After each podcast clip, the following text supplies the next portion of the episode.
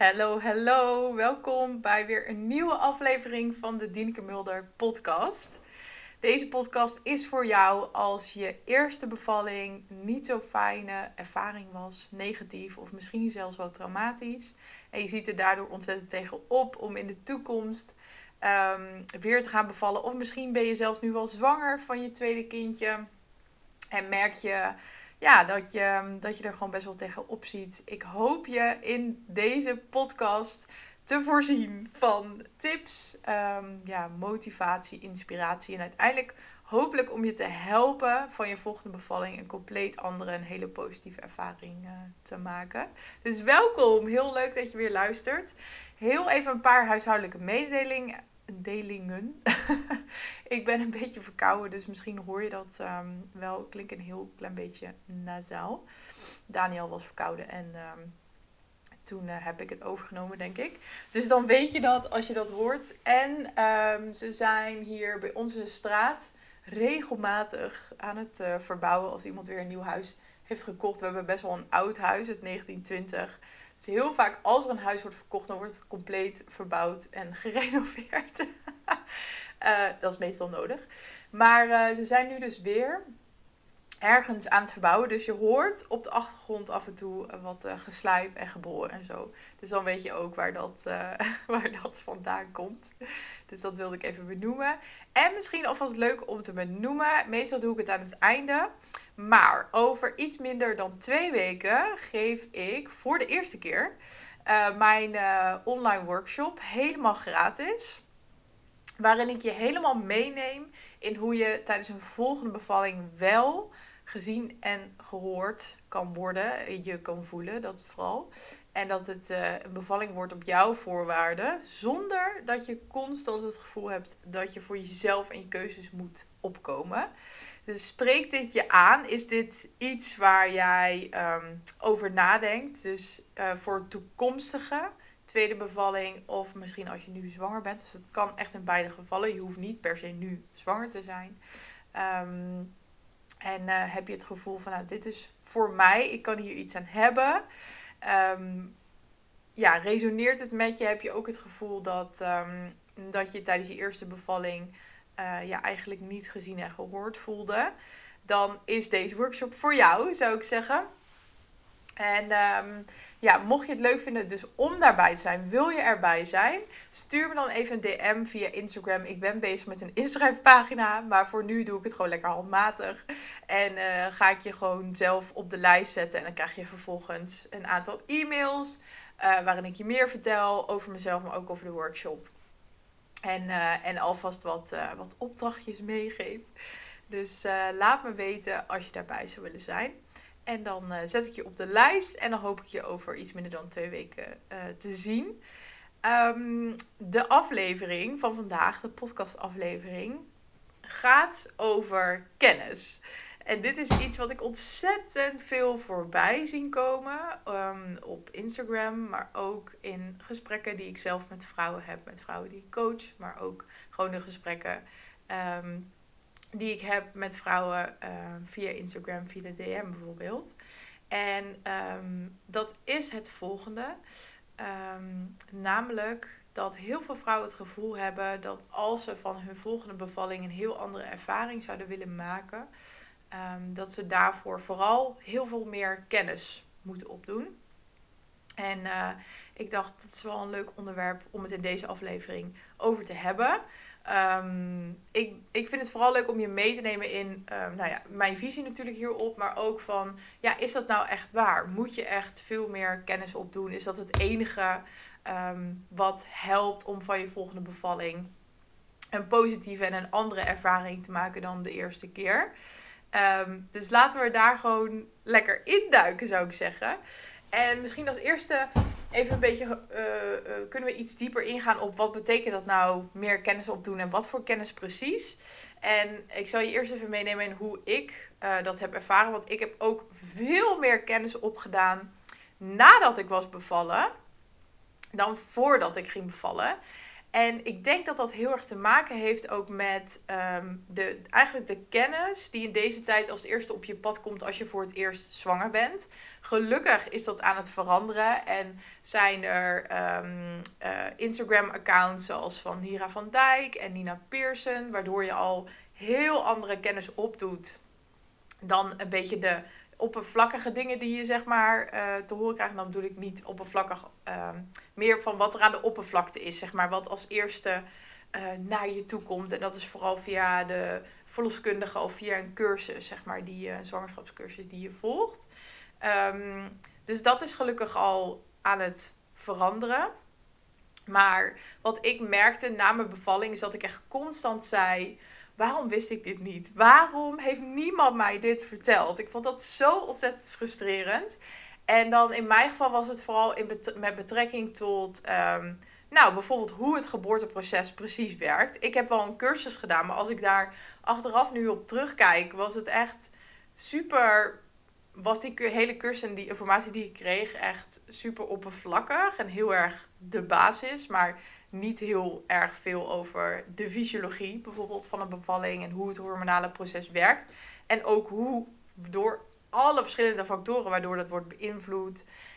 Um, ik wist helemaal niks over uh, bevalhoudingen, over dat het eigenlijk helemaal niet gunstig is voor de meeste vrouwen niet om op hun rug te bevallen.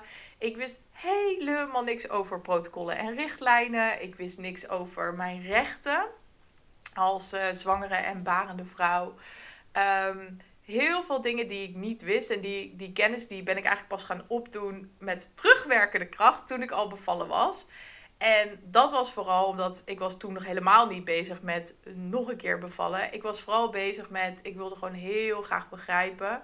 Ik was heel nieuwsgierig, ben ik altijd al geweest. Ik wilde gewoon heel graag begrijpen waarom mijn bevalling zo'n compleet andere ervaring was geworden dan in negatieve zin dan ik graag had gewild. dus toen toen begon ik heel veel boeken te lezen en, en um, uh, andere Instagram-accounts te volgen. En toen begon ik um, ook heel andere kennis op te doen. En ik weet dat al hoewel er dus um, meer en eigenlijk meer diepgaande kennis beschikbaar is tegenwoordig, dat er nog steeds ontzettend veel vrouwen zijn die dit herkennen en die ook na hun negatieve bevallingservaring zeggen van waarom wist ik dit niet? Waarom heeft niemand mij dit verteld? En daardoor denken we ook heel vaak dat om de volgende keer een heel andere ervaring te hebben, een positieve bevallingservaring, dat de sleutel is dat we meer kennis opdoen. En ehm, hoe ik hier naar kijk, want uh, ik ben dus zelf ook door dit proces gegaan en ik dacht ook echt, ik heb heel lang gedacht, ik moet meer weten, ik moet nog meer weten, ik moet nog meer weten. Want ik moet eigenlijk, um, nou bijvoorbeeld met betrekking tot protocollen en richtlijnen, uh, lijnen. Ik had echt het gevoel van, ik moet eigenlijk zo'n protocol bijna nog beter kennen dan de verloskundige. Omdat, uh, nou ja, mijn bevalling uh, begon dus met gebroken vliezen. Dus daardoor viel ik al onder een protocol, namelijk dat van langdurig gebroken vliezen. En achteraf vond ik dat dus super frustrerend. Dat ik dacht, waarom wist ik daar helemaal niks van af van tevoren. Want dan had ik, als ik weet wat ik nu weet, dan had ik waarschijnlijk hele andere keuzes gemaakt. Um, en het voelde ook heel erg, het heeft voor mij heel lang gevoeld alsof um, om uh, de controle te houden zeg maar, over je bevalling. En voor mij betekent dat dus dat er niet allerlei beslissingen worden genomen of je een soort van opgedrongen door zorgverleners moet ik uh, net zoveel weten als dat zij weten. Zeg maar, moet ik minimaal net zoveel weten als een zorgverlener. En dus voor mij was, um, heeft dat heel lang als de oplossing gevoeld. Dat ik gewoon vooral heel veel kennis, nog meer kennis moest gaan opdoen. En um, inmiddels kijk ik daar wel anders naar. Ook door um, de reis eigenlijk die ik zelf heb gemaakt. door alles wat ik heb geleerd. Nou ja, het begon natuurlijk met alles wat ik heb geleerd over bevallen. Maar dat ging natuurlijk steeds verder. En vooral met alles wat ik heb geleerd over mezelf uiteindelijk. Uh, begon ik daar wel anders naar te kijken. En um, denk ik inmiddels, of mijn visie is dat het opdoen van meer kennis is niet de sleutel tot een tweede positieve bevallingservaring. Ik denk dat er een aantal dingen zijn die daaraan kunnen bijdragen. Maar dat er vooral één ding is die daaraan, uh, die aan de basis eigenlijk moet, moet liggen van hoe, um, hoe jij kijkt en hoe je je voorbereidt op een toekomstige tweede bevalling. En wat mij betreft is die basis niet uh, kennis. En waar heeft dat nou mee te maken? Het opdoen van kennis uh, speelt zich natuurlijk vooral af in het rationele deel van je brein. Met onze ratio zijn we in staat om te analyseren en te beredeneren en om eigenlijk wel overwogen keuzes te maken. Terwijl het grootste deel van onze keuzes die gebeuren in het onbewuste deel van ons brein. En daar zijn we ons, sterker nog, daar zijn we ons niet eens van bewust. We zijn ons niet eens van bewust dat we eigenlijk de hele dag door keuzes maken. Maar dat zijn keuzes waarvan we dus niet eens weten dat het een keuze was. Dat klinkt misschien een beetje vaag, maar dat gebeurt eigenlijk de hele dag uh, door. We bepalen of uh, wat we tegen iemand zeggen, hoe we reageren, of we iets wel of iets niet doen. En heel vaak zijn we ons daarvan dus niet bewust. En het opdoen van kennis speelt zich voornamelijk af in het rationele deel van je brein.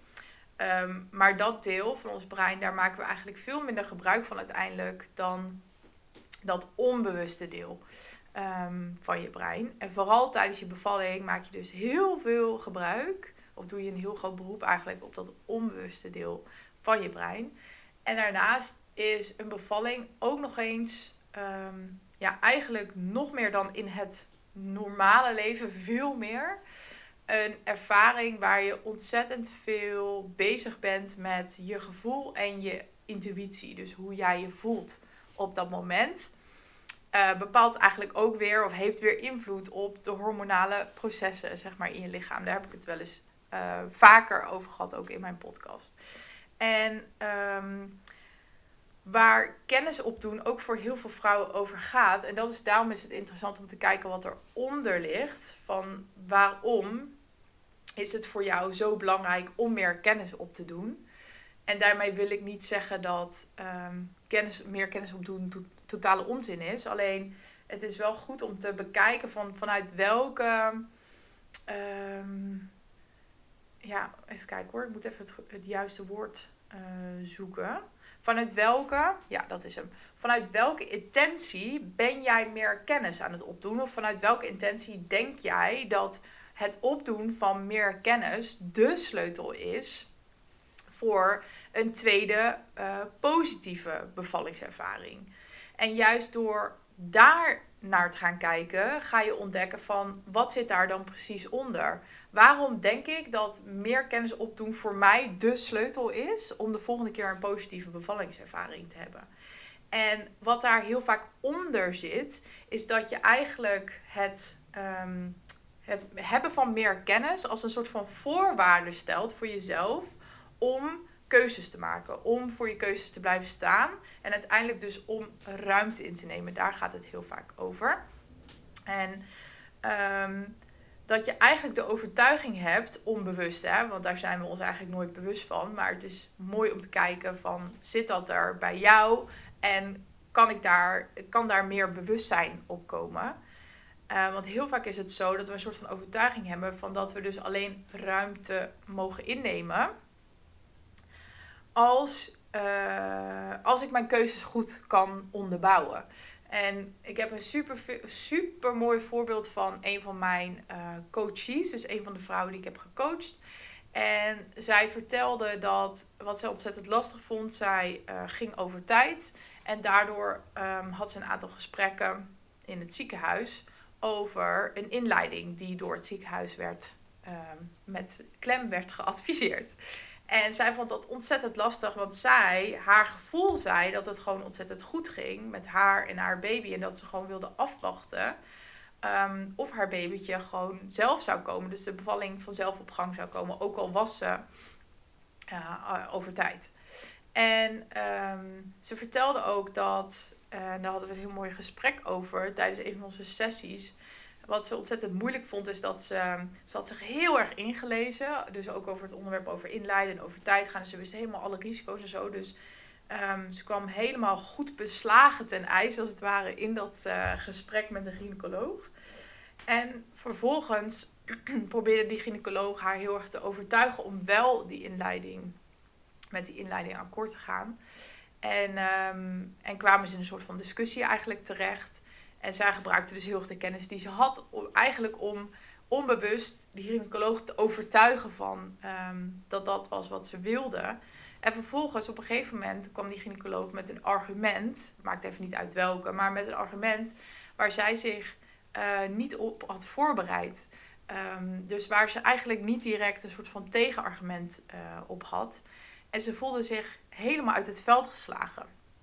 En hoe je daarnaar zou kunnen kijken, en misschien denk je nu van, ja, zie je wel, ik moet gewoon nog meer kennis opdoen, want ik moet zo'n discussie eigenlijk kunnen winnen. Terwijl als je een laagje dieper gaat, is het heel um, mooi, vind ik, en interessant dus om te kijken, wat maakt nou dat jij uh, dus blijkbaar de overtuiging hebt dat je dus alleen maar voor je keuzes mag blijven staan als je voldoende kennis hebt. Um, want dat is dus eigenlijk heel rationeel gezien. Maar in het proces van zwangerschap en bevallen uh, gaat het vooral ook over je gevoel en je intuïtie. En dat is natuurlijk aan jou, hè? Uh, het hangt ook heel erg af van hoe je in het leven staat en ook hoe je naar risico's kijkt, hoe je naar leven en dood kijkt bijvoorbeeld. Um, of je daar um, ruimte aan wil geven, dus aan je gevoel en, en intuïtie. Of je daar naar wil luisteren. Maar soms zullen er ook gewoon dingen zijn of keuzes die je wil maken, die, die je misschien helemaal niet, waar je niet zo goed woorden aan kan geven. Dus zij had het in dat geval dat ze zei van ja, maar ik voel gewoon dat het goed gaat. En uh, zij vond het dan bijvoorbeeld wel fijn om, om af en toe een echo te doen in, in die periode, dus dat ze die paar dagen dat ze over tijd was, om te kijken of het goed ging met de baby. Maar ze zei ook, ik voelde ook echt dat het gewoon ontzettend goed ging. Ik voelde me goed, ik voelde de baby goed. En um, dat zijn dingen die heel lastig onder woorden. Kan je wel aan iemand vragen, ja, maar waarom voel je dat dan? Of hoe dan? En dan willen we het altijd rationaliseren. Dan, dan willen we het eigenlijk, uh, uh, hoe zeg je dat, kwantificeren bijna. Maar soms is het ook gewoon, kan je er niet zo goed, kan je er niet zo goed argumenten of woorden aan geven. En is het gewoon puur um, gevoel. En daar is natuurlijk in de tijd waarin we leven en uh, ook de westerse wereld waar we in leven, is daar uh, weinig ruimte voor. We zijn erg geneigd, denk ik, om vooral uh, te focussen op, op ratio en cijfertjes en onderbouwingen met argumenten. Maar soms is dit ook het geval. En het interessante is dus om bij jezelf te onderzoeken van um, als jij dit herkent, als je dit voelt, wat maakt nou dat ik blijkbaar de overtuiging heb dat ik alleen maar voor mijn um, alleen maar naar mijn gevoel mag luisteren of voor mijn keuzes kan blijven staan of überhaupt mijn behoeftes mag uitspreken, als ik dat helemaal kon onderbouwen mm, met kennis. En uh, nogmaals, dat betekent niet dat mijn, uh, hoe zeg je dat?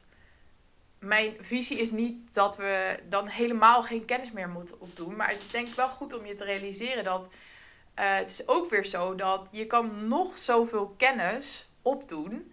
Maar als daar dus eigenlijk de overtuiging onder zit van ik mag alleen maar, ik mag alleen maar ruimte innemen als ik het uh, compleet, als ik iets compleet met um, van A tot Z met argumenten kan onderbouwen. Dan blijf je dus eigenlijk ook heel, um, doordat je jezelf die voorwaarden oplegt, is de kans dus ook heel groot dat op het moment dat, dat er dus niet aan die voorwaarden volda wordt voldaan die jij zelf hebt opgelegd, namelijk dat jij je keuze niet kan onderbouwen of dat de ander opeens met een argument komt uh, waar jij geen tegenargument op hebt, um, dan wordt de kans dus ook heel groot dat je vervolgens moeite blijft houden, zeg maar, met ruimte innemen. Je kan nog zoveel kennis hebben, maar um, als er ook niet iets verandert, ik noem dat altijd in je zijn, dus je kan dingen veranderen in wat je weet, dus wat je rationeel weet. Maar als je ook niet dat laagje dieper gaat en gaat kijken van wat zit er in mijn zijn. En met je zijn bedoel ik dus de patronen en overtuigingen die liggen opgeslagen in jou, waar je je niet bewust van bent, maar die wel degelijk een rol spelen dus. Um, in, weer in zo'n proces van weer zwanger zijn en weer bevallen um, ja, dan gaat die kennis, die extra kennis je niet um, per se helpen, zou ik zeggen. Of dat wordt dan niet de sleutel. Je moet ook echt, of je moet niks, maar ik ben ervan overtuigd dat, dat je ook echt moet kijken dus naar eh, een stukje zijn, naar de basis in jou. Namelijk, welke overtuigingen speelden een rol de vorige keer. En dat is ook iets wat ik dus met haar heb gedaan. Dus het, het voorbeeld wat ik net noemde. Uh, we hebben echt gekeken, waar komt dat nou vandaan? En waarom heb je de overtuiging inderdaad dat je uh, alles moet weten en dat je altijd een tegenargument uh, moet hebben? Um, en dat er dus altijd een, een soort van eerst een discussie is. waarin jij de ander aan het overtuigen bent. Want dat is ook een mooie vraag. Moet de ander oké zijn? Moet de ander altijd oké zijn met jouw beslissing? Moet je een ander altijd hebben kunnen overtuigen dat, dat jij deze beslissing wilt nemen, bijvoorbeeld? Dat is ook um, een interessante, zou ik zeggen. Want dat hoeft niet altijd. Het kan ook zijn. Um, uh, want daarvoor hoef je niet. Je hoeft niet eerst een soort van discussie uh, te winnen. De uitkomst kan ook zijn dat jij jouw keuze maakt, of dat je voor je keuze blijft staan. En dat de ander, dus een zorgverlener in dit geval, um, daar het niet mee eens is. Maar dat is dan gewoon uh, zo. Dat is ook oké. Je hoeft een ander niet te overtuigen uiteindelijk. Tuurlijk heb je in zekere zin de ander uh, nodig. Maar daarin kan je dus ook kijken van oké, hoe kunnen we vanuit verbinding met z'n tweeën um, hier wel uitkomen zonder dat jij uh, concessies gaat doen die je eigenlijk niet wilt doen, bijvoorbeeld. Um, ja, en wat ik ook, wat ik als laatste noemde ook over als je dus merkt van dat je jezelf inderdaad voorwaarden stelt om dus ruimte in te mogen nemen. Uh, dus met ruimte innemen, klinkt wel een beetje vaag, maar ik bedoel of misschien denk je ook wel ruimte innemen, ruimte innemen. Wat bedoelt ze daarmee? Maar daarmee bedoel ik echt dat je dus luistert naar je gevoel. Dat je je keuzes uitspreekt. Dat je voor je keuzes blijft staan. Dat je je behoeftes uitspreekt. Dus dat je eigenlijk ruimte inneemt met dat wat belangrijk is voor jou op een moment, zeg maar. En als je mm, jezelf voorwaarden stelt om bewust om ruimte in te nemen, uh, de andere kant daarvan is dat je jezelf toestaat om onvoorwaardelijk ruimte in te nemen. Dus dat je alsnog extra kennis opdoet, maar dat je dat losziet van of je wel of niet uh, ruimte mag innemen, zeg maar, in dat proces. Dus dat je het meer ziet als een soort van um, extraatje, een soort van bonus. En niet als de voorwaarde om dit keer wel voor je keuzes te blijven staan, bijvoorbeeld. Dat zou ik zeggen. Um, dus dat je onvoorwaardelijk ruimte mag innemen. Ook als je um, op een gegeven moment met je mond vol tanden staat. Als je geen tegenargument hebt. Als je iets niet onder kan brengen. Puur omdat je het gewoon voelt. Omdat het een gevoel is. Of een soort van intuïtief voelt. Van nee, dit is het beste voor mij en uh, mijn baby uiteindelijk. Ja, dit wilde ik met je delen. Ik zit nog even op mijn lijst te kijken. Maar ik denk dat, um, dat dit het belangrijkste is. Dus ik denk dat de samenvatting is: kennis opdoen aan zich is echt um, niks verkeerds. Maar ik denk dat het goed is om te onderzoeken welke intentie eronder zit. En waarom jij denkt dat dat het belangrijkste is wat je gaat helpen naar een positieve tweede bevalling.